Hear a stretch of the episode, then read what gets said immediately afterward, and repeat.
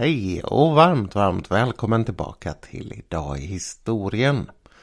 Mitt namn det är som alltid Nils Hjort och idag så tänkte jag prata om någonting som greppade mig väldigt hårt någon gång omkring sådär 2002. Jag var då 25 år gammal och läste historia nere i Malmö. Vi var tre killar som delade på en stor lägenhet inne i stan och en helg när jag bodde där själv så hade jag upptäckt att det var, eller fanns en sida på nätet som hette Crime Library. En väldigt, väldigt välskriven sida med olika redogörelser för brottslingar och deras olika brott. Och jag kommer ihåg hur jag satt där inne på det rummet som var mitt med ryggen ut mot det stora vardagsrummet i den här gamla lägenheten. Lyssnade på en eh, Johnny Marr-skiva och varenda gång jag hör den, varenda gång som den dyker upp på något sätt och vis så tas jag tillbaka till de där kvällarna när jag satt och läste och kikade mig själv över axeln med jämna mellanrum. True crime är ju någonting som har blivit väldigt, väldigt stort de senaste åren och jag tänkte ta upp den här berättelsen just för att den är aktuell på ett lite speciellt sätt. Historien om The Yorkshire Ripper är nämligen väldigt renodlad i sin form, ungefär sådär som man brukar beskriva seriemördare på film. Och på så vis så lyckas den också knyta ihop två av de teman som är väldigt, väldigt aktuella nu. Mäns våld mot kvinnor är ju någonting som har diskuterats intensivt den ja, dryga senaste veckan ungefär. Och vi har ju allihopa under ett år nu levt i någon form av isolation där man inte har träffat folk på vanligt sätt, inte gått ut på vanligt sätt och sådär. Och det fanns en helt annan form av isolation under de här åren i norra England. Dessutom så är det här aktuellt av två andra anledningar. Men de tänkte jag återkomma till i slutet. Nu ska vi börja i rätt ände. Hösten 1975. I oktober fann polisen då den 28-åriga fyrbarnsmamman Wilma McCann mördad utomhus.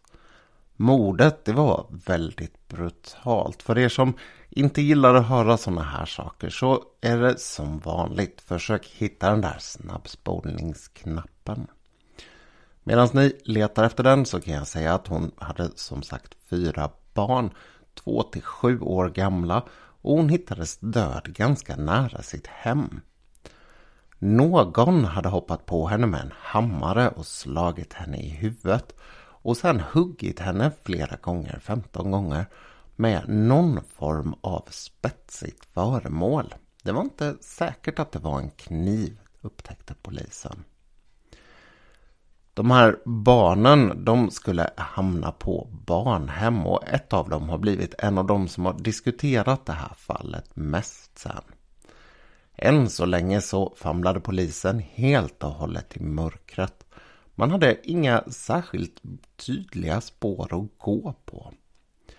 Det man fick reda på om Wilma när man började undersöka hennes liv det var att hon hade hamnat i en ganska jobbig situation. Hon var ensamstående med de här barnen, hon hade dåligt med pengar. Och hon tycktes ha gjort en hel del val som kanske inte var de bästa när man var i den här situationen. Bland annat så hade hon börjat festa väldigt mycket och hon var vad polisen vid det här laget kallade för en good time girl. Vilket inte bara betydde att hon gillade att festa och ha det roligt utan också att hon förmodligen var prostituerad. Det här området som hon bodde i och hittades död i, Chapel Town i Leeds, det var också stadens Red Light District. En hård stadsdel i en hårt drabbad stad. Och det är väldigt viktigt att tänka på just det här hur hårt drabbat England var vid den här tiden. England på 1970-talet var väldigt, väldigt speciellt. Det går att jämföra kanske bäst med Grekland av idag. Det brukar kallas för Europas sjuke man vid den här tiden och det var ett land som var inte bara fattigt utan hade en väldigt märklig resursbrist. Den här resursbristen gjorde att det fanns en hel del särdrag i det engelska samhället vid den här tiden som är svåra att föreställa sig en vardag som innehåller. Bland annat så var det inte ovanligt att det under långa perioder ransonerades el. Vilket innebar att privatpersoner inte hade el på kvällarna. Utan man fick sitta vid stearinljus och läsa om det var nu det man ville göra.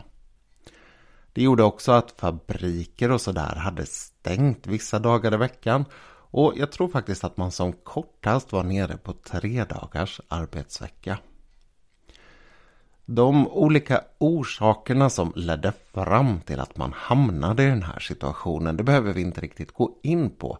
Men det är väldigt viktigt att tänka sig att England vid den här tiden då alltså var ett land där folk inte kunde jobba varje dag, där man inte kunde göra alla de här sakerna som behöver el.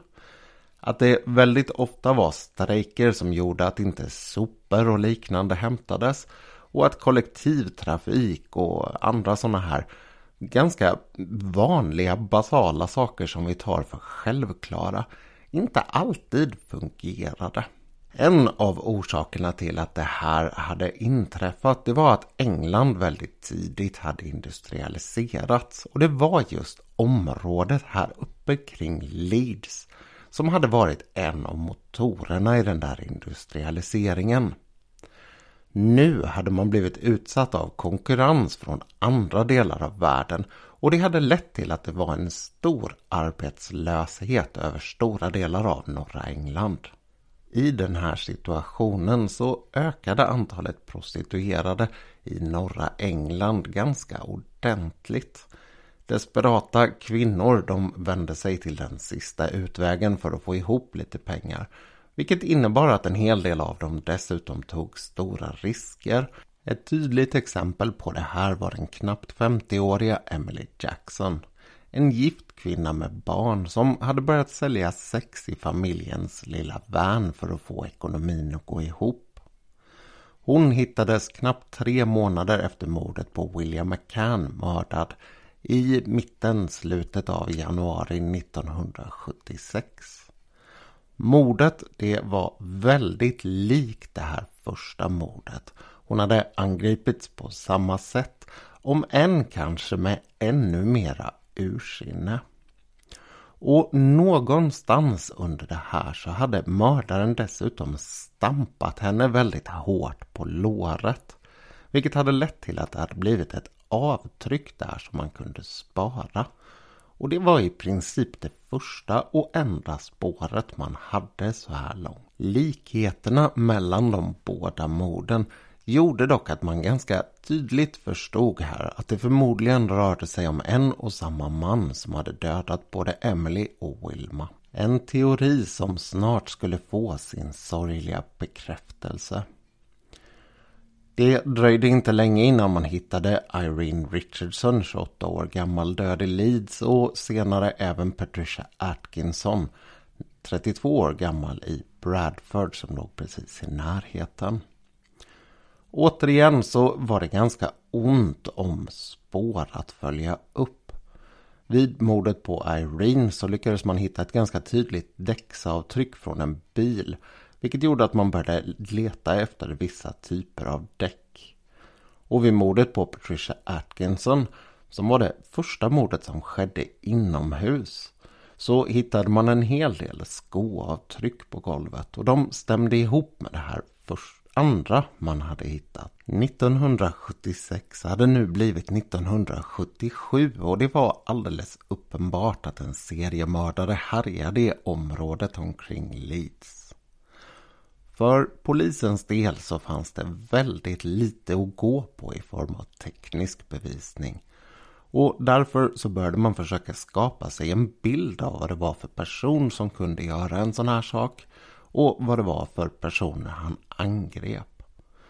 Och ganska tydligt så kom det fram att det var prostituerade som han anföll. Någonting som blev till en sanning i polisarbetet och i polisens kommunikation med allmänheten.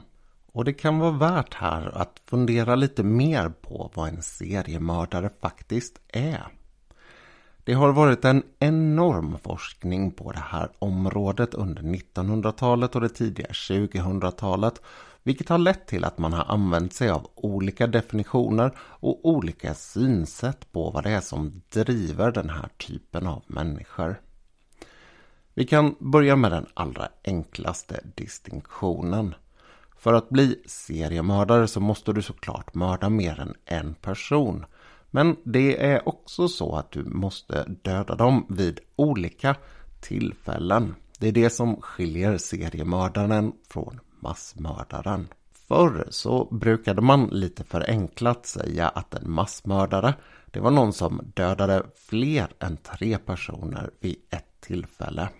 Och en seriemördare det var någon som dödade fler än tre personer vid olika tillfällen. Problemet med en sån definition är att personer som inte riktigt är seriemördare faktiskt kan passa in till exempel en yrkesmördare. Idag har man därför börjat lägga en betydligt större vikt vid hur och varför de här människorna dödar. Och att det väldigt ofta handlar om personer som ger sig på samma typer av offer och som gör det på liknande sätt. Det som driver dem tycks vara en form av behov och det som sker efter ett mord eller misslyckat mord är ofta att de har någon form av nedkylningsfas. Vad som på engelska brukar kallas för cooling off. Självklart så finns det mängder av olika avsteg från den här renodlade definitionen av vad en seriemördare är. Men det är ganska intressant att titta på Peter Sutcliffe som senare då skulle avslöjas vara den här mannen. Just därför att han, som jag sa i början, uppfyller en så renodlad version av vad en seriemördare är.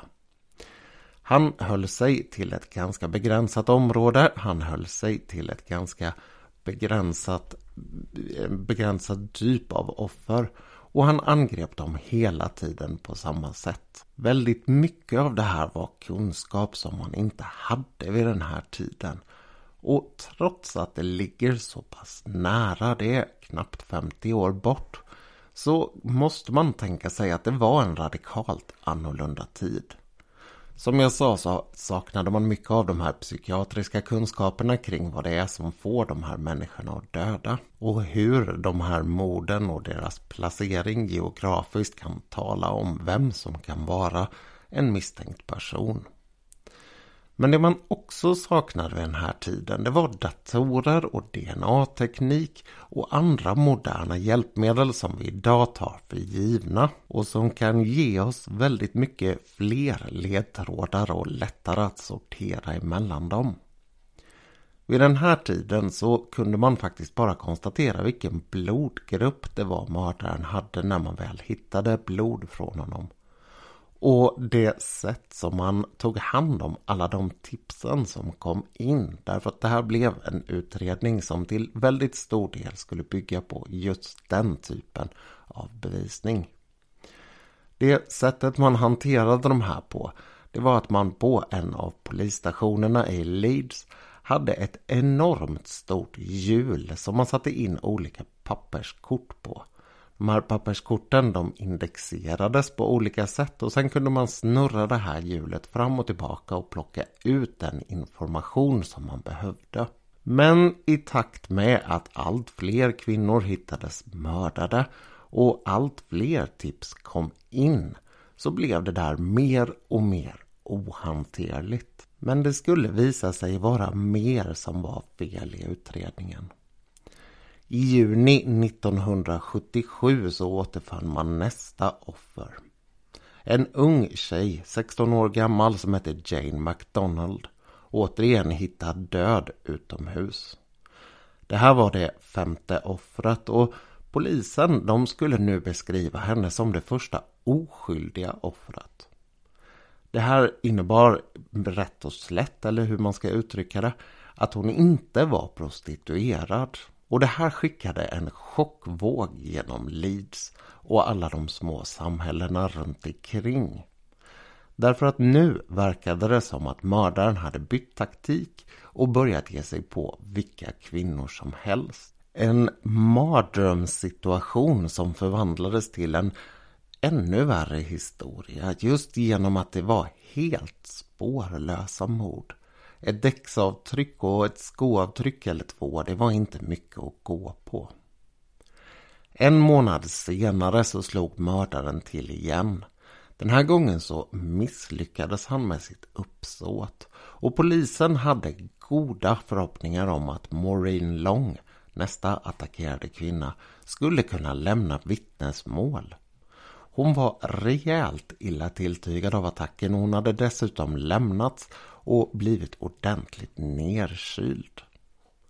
Det här, det skulle visa sig vara ett blindspår tyvärr. För stackars Maureen, hon hade fått så omfattande hjärnskador att hon inte kunde berätta särskilt mycket om vad det var som hade hänt. Polisen gick till och med så långt så att en av dem följde med henne ut en kväll på stan som, som om de vore ett par. De gick på lokal och satt och drack drinkar hela tiden och tittade efter någon som kunde passa in och återväcka någon form av minne. Men det ledde inte någonstans. Återigen så gick hela utredningen i stå. Nästa mord skedde bara några månader senare i oktober 1977 och det skilde sig på två ganska tydliga sätt från de tidigare. Mordoffret Jean Jordan blev mördad i Manchester vilket var det första avsteget. Och det andra det var att mördaren tycktes ha angripit kroppen efter att hon hade dött också.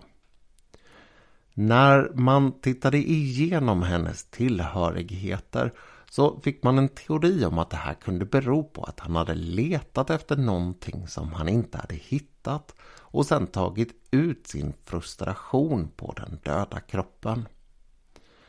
Det man hittade och det man drog slutsatsen att han hade letat efter det var i ett hemligt fack i hennes väska en fempundssedel.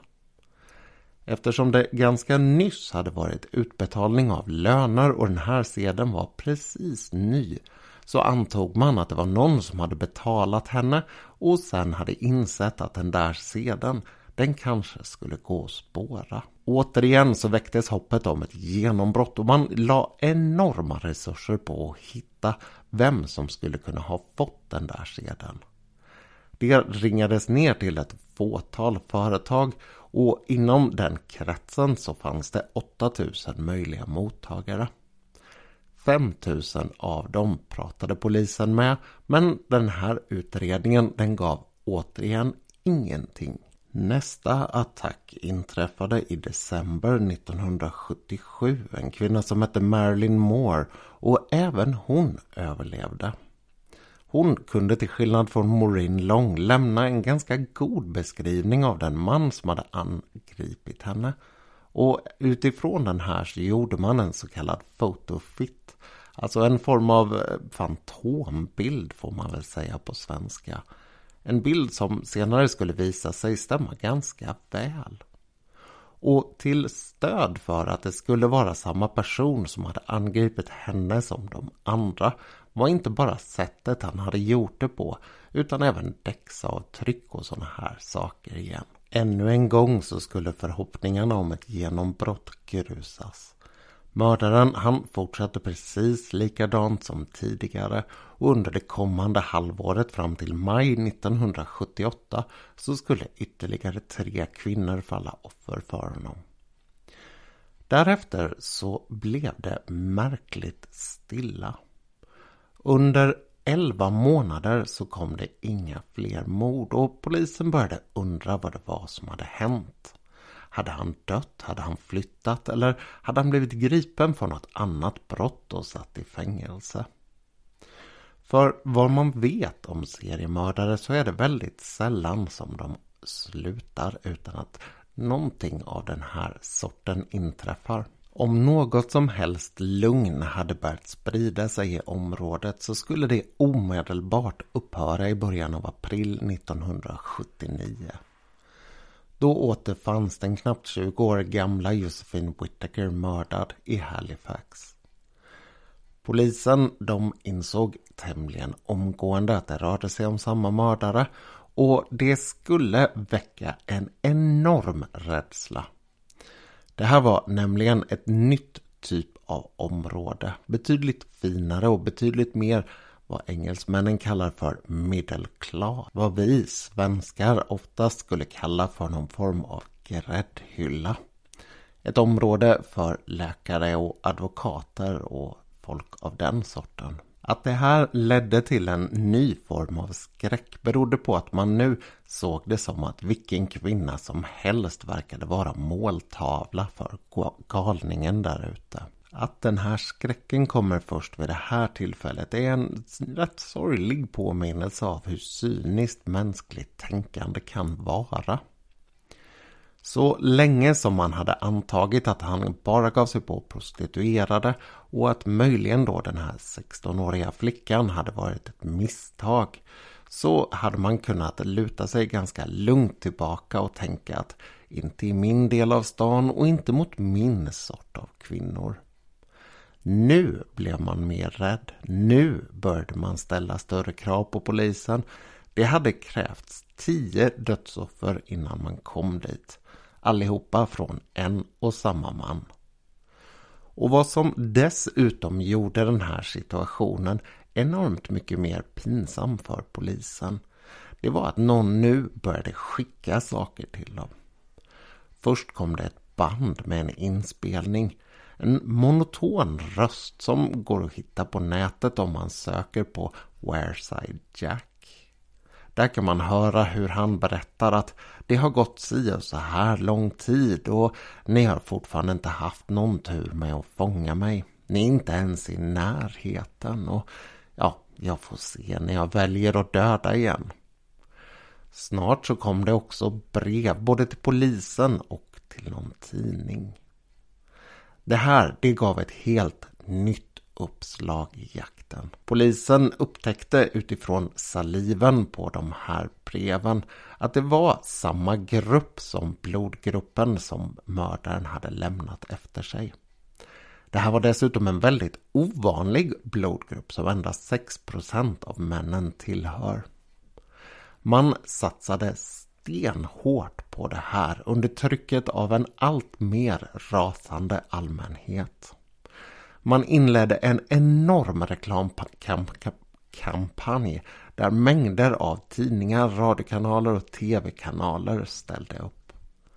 Det skulle bli en hel del märkligheter i det engelska samhället, eller i det nordengelska kanske vi ska säga.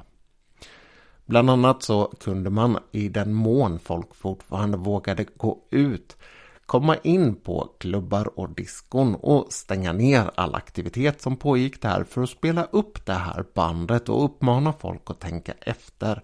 Kan den här rösten tillhöra någon ni känner? Polisen hade en eh, form av rundresande verksamhet där man ställde ut en sorts monter där man kunde läsa de här breven och se om man kände igen handstilen och lyssna på den här rösten för att se om man kände igen den. Överallt så uppmanade man folk att hjälpa till på de sätt man kunde med saker som man kunde ha sett eller saker som man misstänkte på andra sätt. Och där inne på polisstationen så drunknade man under tyngden av tips. Det här stora hjulet, den här stora insamlingen av bevis på indexkort den skulle bli så stor att man faktiskt var tvungen att förstärka golvet på polisstationen. Jo, det är sant. Det kom arkitekter dit och berättade att det här skulle kunna rasa ihop under tyngden av utredningen. Vid den här tiden så var det 200 poliser inblandade i jakten på den mördare som nu över hela England var känd som The Yorkshire Ripper. En sammansättning av att han var i Yorkshire och att sättet som han angrep på var ganska lik Jack the Rippers attacker. Ingenstans syntes dock någon ljusning i utredningen. Trots att det skulle bli ytterligare ett mord under 1979 och två under andra halvan av 1980 så kom man ingen som helst stans. Det var riktigt illa läge för polisen och den nyvalda premiärministern Margaret Thatcher hade förklarat att om inte de kunde lösa det här ganska snart då skulle hon minsann åka upp till Leeds själv och reda ut det här. Pressen var stenhård på polisen men ingenting kom ur det här. Trots att man hade genomfört närmare 30 000 hembesök hos folk och trots att man hade suttit och skrivit ner att eh, vad heter det, registreringsnummer på närmare 150 000 bilar som hade sett sig röras kring sådana här Red Light Districts i städer i norra England. Det som är riktigt skrämmande det är att polisen inte hade någon som helst aning om hur nära man hade varit. Och det som är lika skrämmande är att man tog mördaren på ren tur. Ingenting annat än en slump. I januari 1981 så stannade två stycken poliser i Sheffield en brun metallic Rover 3500 P6. Det här var i ett eh, lite udda område i staden i dess Red Light District. Det var en man och en kvinna som satt i den här bilen och vad de hade tänkt sig göra det hade väl polisen en ganska tydlig uppfattning om.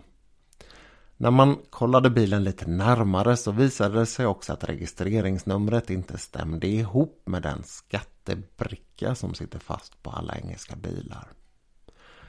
Man började därför kolla det här lite noggrannare och mannen i det här sällskapet han förklarade då att han var ordentligt kissnödig och ville gå undan och kissa. Det fick han och strax därefter så insåg man att det här är lite konstigt så man tar med de här två personerna in och medan man går in på polisstationen så är det en av poliserna som kikar på den där bilden som man har haft uppsatt så länge med den misstänkte Yorkshire Ripper och tänker att den här killen är ju ordentligt lik den där bilden. I två dagar så sitter man sen och förhör den här mannen.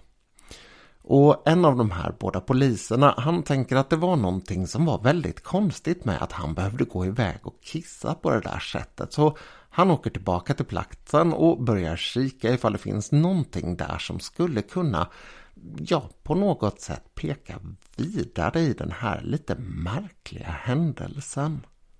Och det visar sig att han hade rätt. Undanstoppat där finns en hammare, en kniv och ett rep. Han samlar in de där sakerna och åker tillbaka till polisstationen och där bör man kolla vad mer den här mannen har gjort. Jo, han har ju varit på toa på polisstationen också.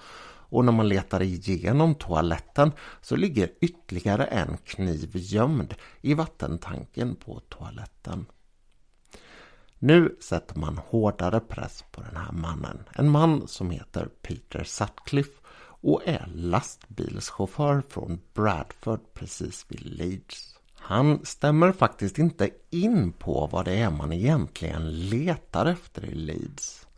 Därför att det här bandet som har dykt upp hos polisen, den personen som pratar där har en väldigt hård dialekt från Sunderland.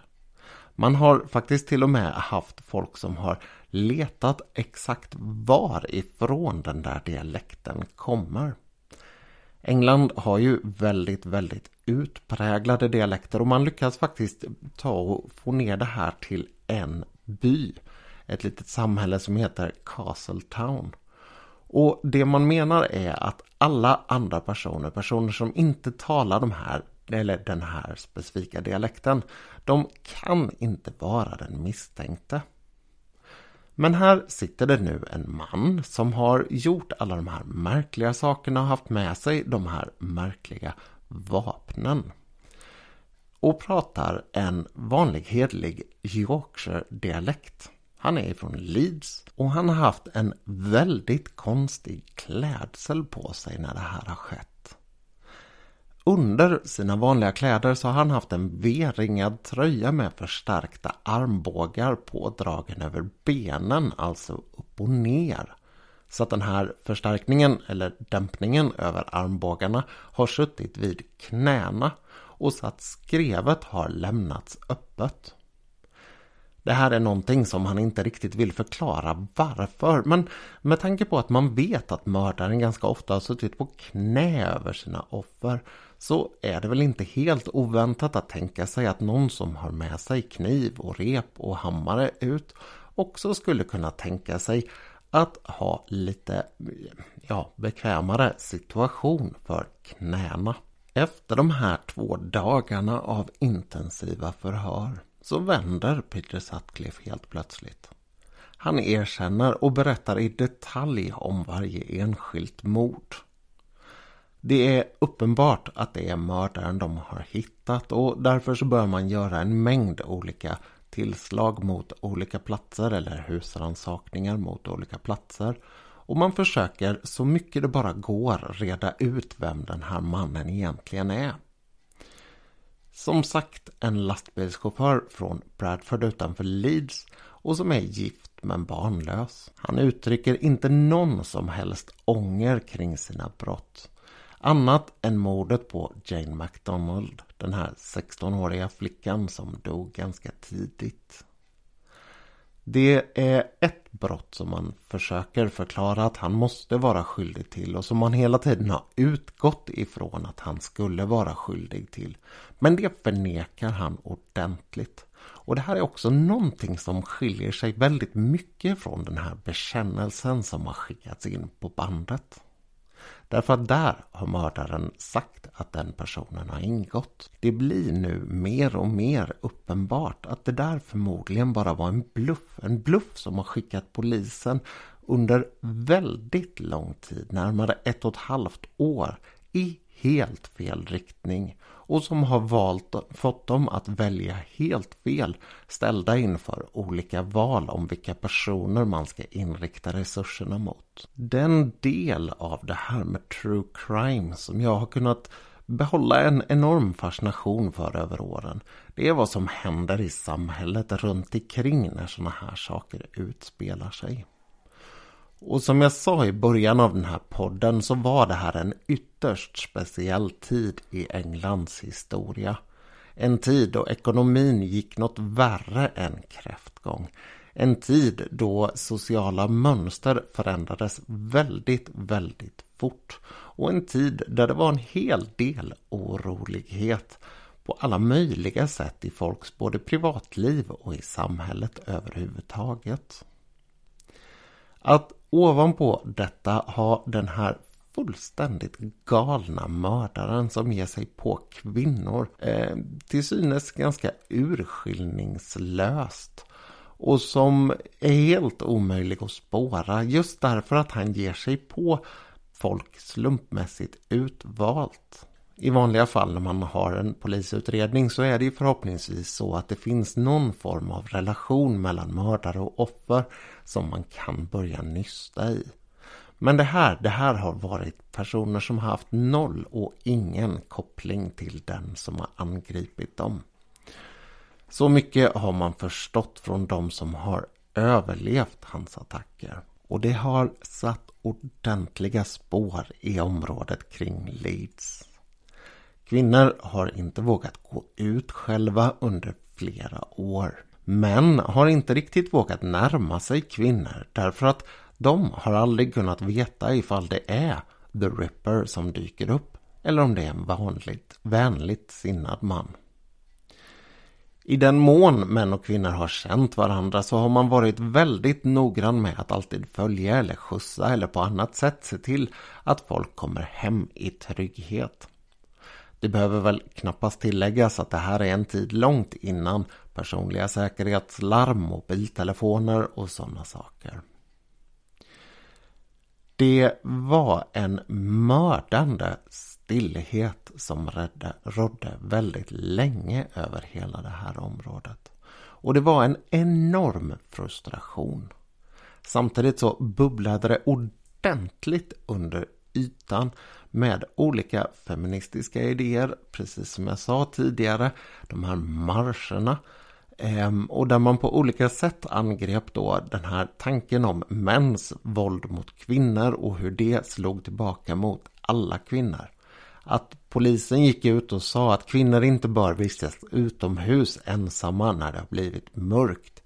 Särskilt under vinteråret upplevdes, vinterhalvåret upplevdes som oerhört provocerande för många kvinnor och särskilt i studentkretsarna i de här städerna.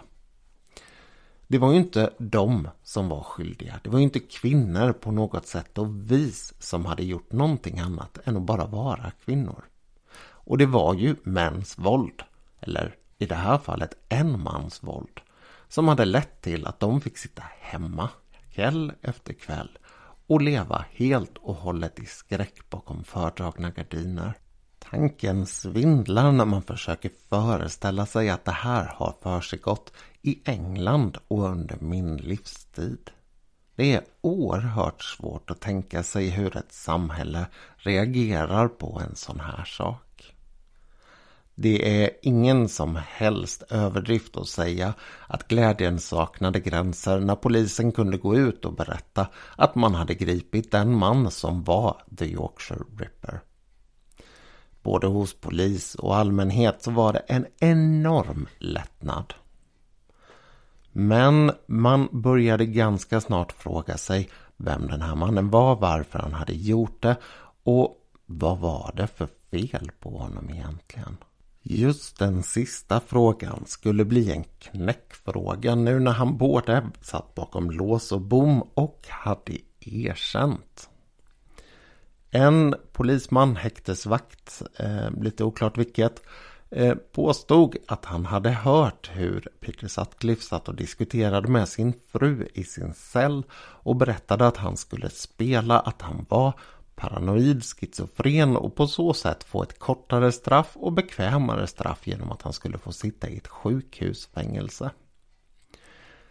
Det där vittnesmålet skulle få en ganska stor påverkan på rättegången senare när man började diskutera huruvida det låg en psykisk sjukdom bakom det här eller inte.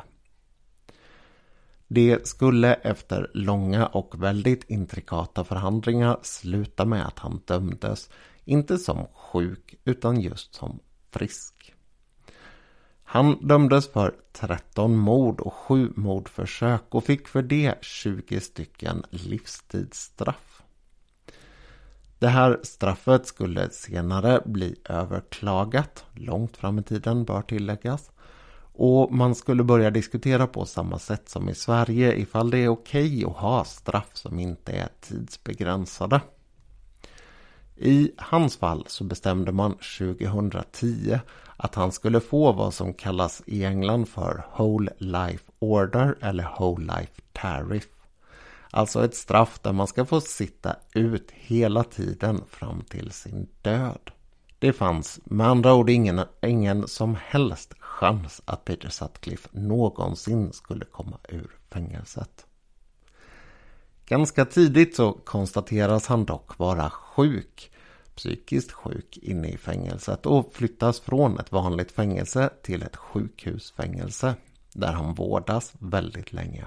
Han skulle behöva andra typer av vård också därför att han har flera gånger, eller han blev flera gånger anfallen inne i fängelset. Och det var lite olika skador han fick men kanske mest påverkande för hans liv var en gång när en man försökte sticka ut båda ögonen på honom. Han lyckades hyfsat bra med det ena och inte helt med det andra, vilket gjorde att han blev mer eller mindre blind, Peter Sutcliffe. Parallellt med det här så har man på olika sätt också undersökt vad som har hänt i utredningen och utanför utredningen kring honom. Man har kommit fram till att det fanns ett flertal brott som han hade begått som man inte hade tagit in i den sammansatta bilden av vad som hade skett. Och att det mycket riktigt var så att det inte var han som hade dödat den här kvinnan som påstods, eller som han eh, så bestämt förnekade att han hade gjort. Dessutom så riktade man enormt mycket kritik mot den här utredningen. Dels att Yorkshire eller West Yorkshire Police, alltså västra Yorkshire-polisen, inte hade tillräckliga resurser och kunskaper för att hantera en sån här stor utredning. Att man inte hade gjort det på ett effektivt sätt och att man dessutom hade valt definitiva felspår. Ett av dem var just det här med bandet som dök upp. Att man så hårt hade satsat på att hitta någon som pratade den här Wearside-dialekten från Sunderland. Det skulle ju sen visa sig vara precis så som flera av hans överlevande offer sa. Att angriparen hade inte alls pratat en sån dialekt. En ganska kraftig dialekt som skiljer sig från Yorkshire-dialekten. Utan att han hade pratat just den hemtama Yorkshire-dialekten. Intressant nog så skulle man ta det här salivprovet från kuvertet långt, långt senare och jämföra mot det nationella DNA-registret i England och få en träff. Det visade sig vara en man som hette John Humble som hade slickat igen det där brevet. Och han bodde väldigt nära Castletown, den här lilla staden som lingvisterna hade sagt att dialekten på bandet kom ifrån.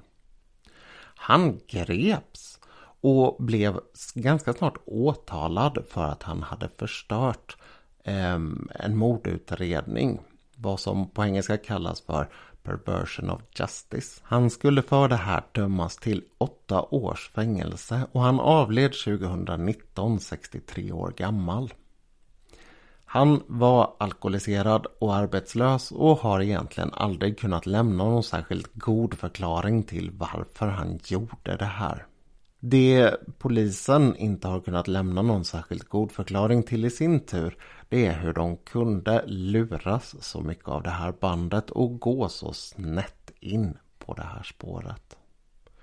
En annan sak som man hade väldigt, väldigt svårt att förklara det var hur ett tips från en man som hette Trevor Birdsall som kom i november 1980 och väldigt, väldigt tydligt pekade ut Peter Sutcliffe namngiven med adress och allting förklarade han att min vän, som det nämligen var, måste vara den mannen som polisen söker.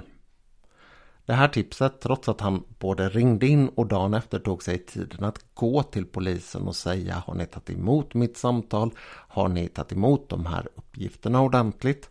Försvann under tyngden av den enorma utredning och mängd papper som fanns.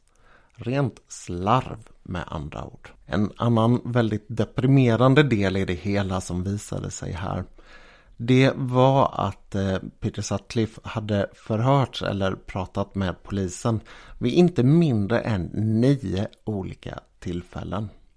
Den här fempundsedeln man hade hittat hade lett tillbaka till bland ett av de här olika företagen hans arbetsgivare. Och där hade han blivit förhörd. En polis som kände igen namnet när man grep honom. Han hade åkt rakt hem till sin polisstation, gått till sitt skåp, öppnat dörren, öppnat sina anteckningsböcker och börjat leta efter namnet Peter Sutcliffe. Bedrövad satte han sig ner när han kom på varför han kände igen namnet. Han hade varit hemma hos familjen Sutcliffe och han hade reagerat på att mannen hade så märkliga förklaringar på saker och ting och att det var ganska mycket som stämde in på annat i utredningen. Han hade markerat för resten av utredningsgruppen att han tyckte att man borde undersöka den här mannen mera noggrant. Men en av de högsta cheferna i utredningen hade förklarat att han hade fel dialekt och därför skulle lämnas i fred. Han var inte vad man sökte. Det här hade, och det här är någonting man har diskuterat senare ifall polisen hade något ansvar för, möjligen kunnat förhindra att de tre sista offren blev mördade. Tilläggas bör att polisen faktiskt inte har dömts eller straffats på något sätt för att det här skedde. Men vad var då egentligen det här jag sa tidigare hade aktualiserat frågan om Peter Sutcliffe igen? Jo, min fru hon var med i någon tävling på Instagram och vann några månader fritt Netflix. En väldigt märklig väg in i en seriemördarhistoria, det är jag väl medveten om. Men när jag en kväll satt och kollade vad de egentligen hade för programutbud så hittade jag en dokumentärserie i fyra delar om Peter Sutcliffe. Och precis som jag sa i början så är det här ett fall som jag har någon väldigt skräckblandad och märklig fascination för just hur det påverkade hela det här samhället. Det är en rejäl lågoddsare att gissa att jag kollade på den där serien väldigt, väldigt fort. Det gjorde jag. Och jag måste säga att det är kanske den bästa serie jag har sett vad det gäller true crime. En ganska lågmäld berättelse berättad helt och hållet genom personer som på olika sätt var inblandade i det här. Det är allting från journalister till utredare till personer som har blivit angripna och överlevt och personer som har överlevt som närstående till offren. Det här ligger ju så pass nära i tiden att personer som på olika sätt var inblandade inte behöver vara sådär jättegamla. 74 år gammal blev Peter, Peter Sutcliffe. Han avled i november förra året och det är den andra anledningen till att den här frågan helt plötsligt aktualiserats. Efter att jag hade sett klart den så slängde jag ett öga på Wikipedia och Wikipedia är ju väldigt bra på det sättet att det väldigt fort uppdateras när saker och ting händer och att det ofta pekar vidare till väldigt bra källor. Och den här nyheten den hade faktiskt varit uppe i Sverige, jag hade missat det och desto mer i engelska tidningar. Det var Corona som tog hans liv och han hade tydligen en hel del underliggande försvårande faktorer som ledde till hans död. Han hade dessutom vägrat vård mot corona. Det gav lite olika reaktioner runt om i det engelska samhället. Och en av de mer intressanta tillhör Richard McCann son till Wilma McCann, Peter Sutcliffes första offer. Hon som hittades död på hösten 1975. Han var fem år när hans mamma mördades. Och han pratar och har vid flera andra tillfällen och i en bok eh, uttalat sig om hur det här var. Och det är faktiskt ganska fint att se honom prata om det här med BBC under november 2020. Han förklarar att han inte på något sätt firar att Peter Sutcliffe har dött. Han berättar tvärtom till och med att han har ringt till Peter Sutcliffes bror Carl och bett att få beklaga sorgen. Det här det berodde på att Richard McCann han skrev en bok om det här att förlora sin mor till The Yorkshire Ripper. Och när han gjorde det så hade Carl hört av sig till honom och de båda hade efter det med jämna mellanrum hörts av och haft någon form av relation. Alltså vänskapsrelation. Och han säger i den här intervjun att man måste faktiskt tänka sig att Karl i det här fallet också har förlorat en bror. Och det är det som han trycker på i den här intervjun. Inte att Karl har förlorat en bror, men att han har förlorat en mor. Att det här är någonting som faktiskt borde göra att man förändrar bilden av vad som diskuteras kring The Yorkshire Ripper. Att han är fruktansvärt trött på att ha vuxit upp med att polisen har pekat ut alla de här kvinnorna som prostituerade. Att polisen har förklarat mer eller mindre att vissa av offren var oskyldiga inom situationstecken. Han är fullt medveten om vad hans mamma levde för liv och han är fullt medveten om vad det var för omständigheter som tvingade henne dit. Han ber i den här intervjun polisen i West Yorkshire att be om ursäkt för hur de har talat om den här situationen i alla år. Han inser väl eh, någonstans i bakgrunden det här att det är inte så stor idé att be tabloidpressen som han också är väldigt kritisk emot om samma respekt. Men det hela det mynnar faktiskt ut i att West Yorkshire-polisen säger att de eh, beklagar den, eh, det språkbruk de hade under den här tiden och det sättet som man bedrev utredningen på. Det där är också någonting som har undersökts väldigt noggrant vilket språk som ingick. Ehm, vi ska inte fördjupa oss i det även om det är intressant. Utan jag får istället hänvisa er till den här dokumentären eh, som finns på Netflix om ni har det. Den är faktiskt så pass bra att den är sevärd. Och i samband med att eh, Peter Sutcliffe avled nu 2020 så började även en eller två andra dokumentärer att spelas in. Jag tror att bland annat ITV i England ska sända en dokumentär om det här. Så det kan vara någonting att se fram emot om den dyker upp snart. Tilläggas bör också att det är så att Peter Sutcliffe har undersökts för ett par mord i Sverige nere i Skåne. Men att man är hyfsat övertygad om att det är fullständigt nonsens att tänka sig att han skulle ha gjort något av de här. Tanken där har varit att det skulle vara för att han var lastbilschaufför och att han skulle kunna ha rört sig till Skåne i arbetet. Men det man har kommit fram till och det polisen, det lilla polisen har uttalat sig, engelska polisen, om det här. Det är att det är mm, ja, i princip fullständigt otänkbart och meningslöst att utreda vidare. Men det kan vara bra att nämna eftersom det är någonting som kommer på tal ibland när det kommer på tal om Peter Sutcliffe. Och jag vill avsluta med att säga just det att det är väldigt märkligt att inte denne man faktiskt är mer på tal. Det är en hel del seriemördare från USA som är väldigt, väldigt kända. Kanske för att de är på många sätt och vis de mest spektakulära, vad vet jag. Um, ur min synvinkel, ur min kanske mera mogna vuxna hållning till det här jämfört med när jag var i 20-årsåldern så tycker jag att det är fascinerande just hur det här påverkar ett samhälle. Ehm, även de här otroligt sorgliga delarna av historien, vare sig det är seriemördare, krig eller sjukdomar eller vad det är, är saker som det går att lära sig väldigt, väldigt mycket om och saker som är intressanta att fundera kring. Och det här är väldigt sorgligt. Det här är fruktansvärt vilken skräck det här har hållit ett helt samhälle i.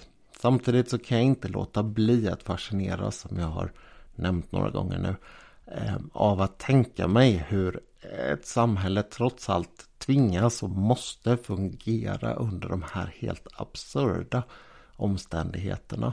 Och framförallt hur illa Ehm, det måste kännas, hur svårt och hemskt det måste vara att veta att som kvinna så är jag någon form av måltavla om jag rör mig ute ensam. Just på grund av bara vem jag är. Och som slutgrej här så måste jag faktiskt ta upp någonting som är sorgligt men faktiskt extra intressant i det här fallet. Och det är att någonstans någon gång så var det någon som riktade en fråga till den här George Oldfield som ledde hela utredningen och sa det att Vet ni faktiskt att det är så att han försöker ge sig på prostituerade hela tiden? Eller är det bara så att prostituerade kvinnor är lättare att komma åt? Det är bara kvinnor överlag som han försöker döda.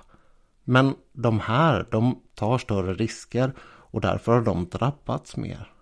Och det där var någonting som polisen bara skakade av sig. Och ja, facit har väl ganska tydligt visat att det spelade ingen som helst roll vilka det var han gav sig på. Trots att han i sitt försvar försökte säga att han hade fått någon form av uppdrag av Gud genom en gravsten när han jobbade som dödgrävare att städa upp bland de prostituerade i Leeds.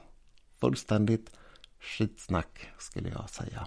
Jag hoppas hur som helst att ni har uppskattat den här tillbakablicken till ett ganska nära förflutet. Ett ganska nära förflutet som är väldigt, väldigt annorlunda i vilka möjligheter man hade att få stopp på någonting som det här.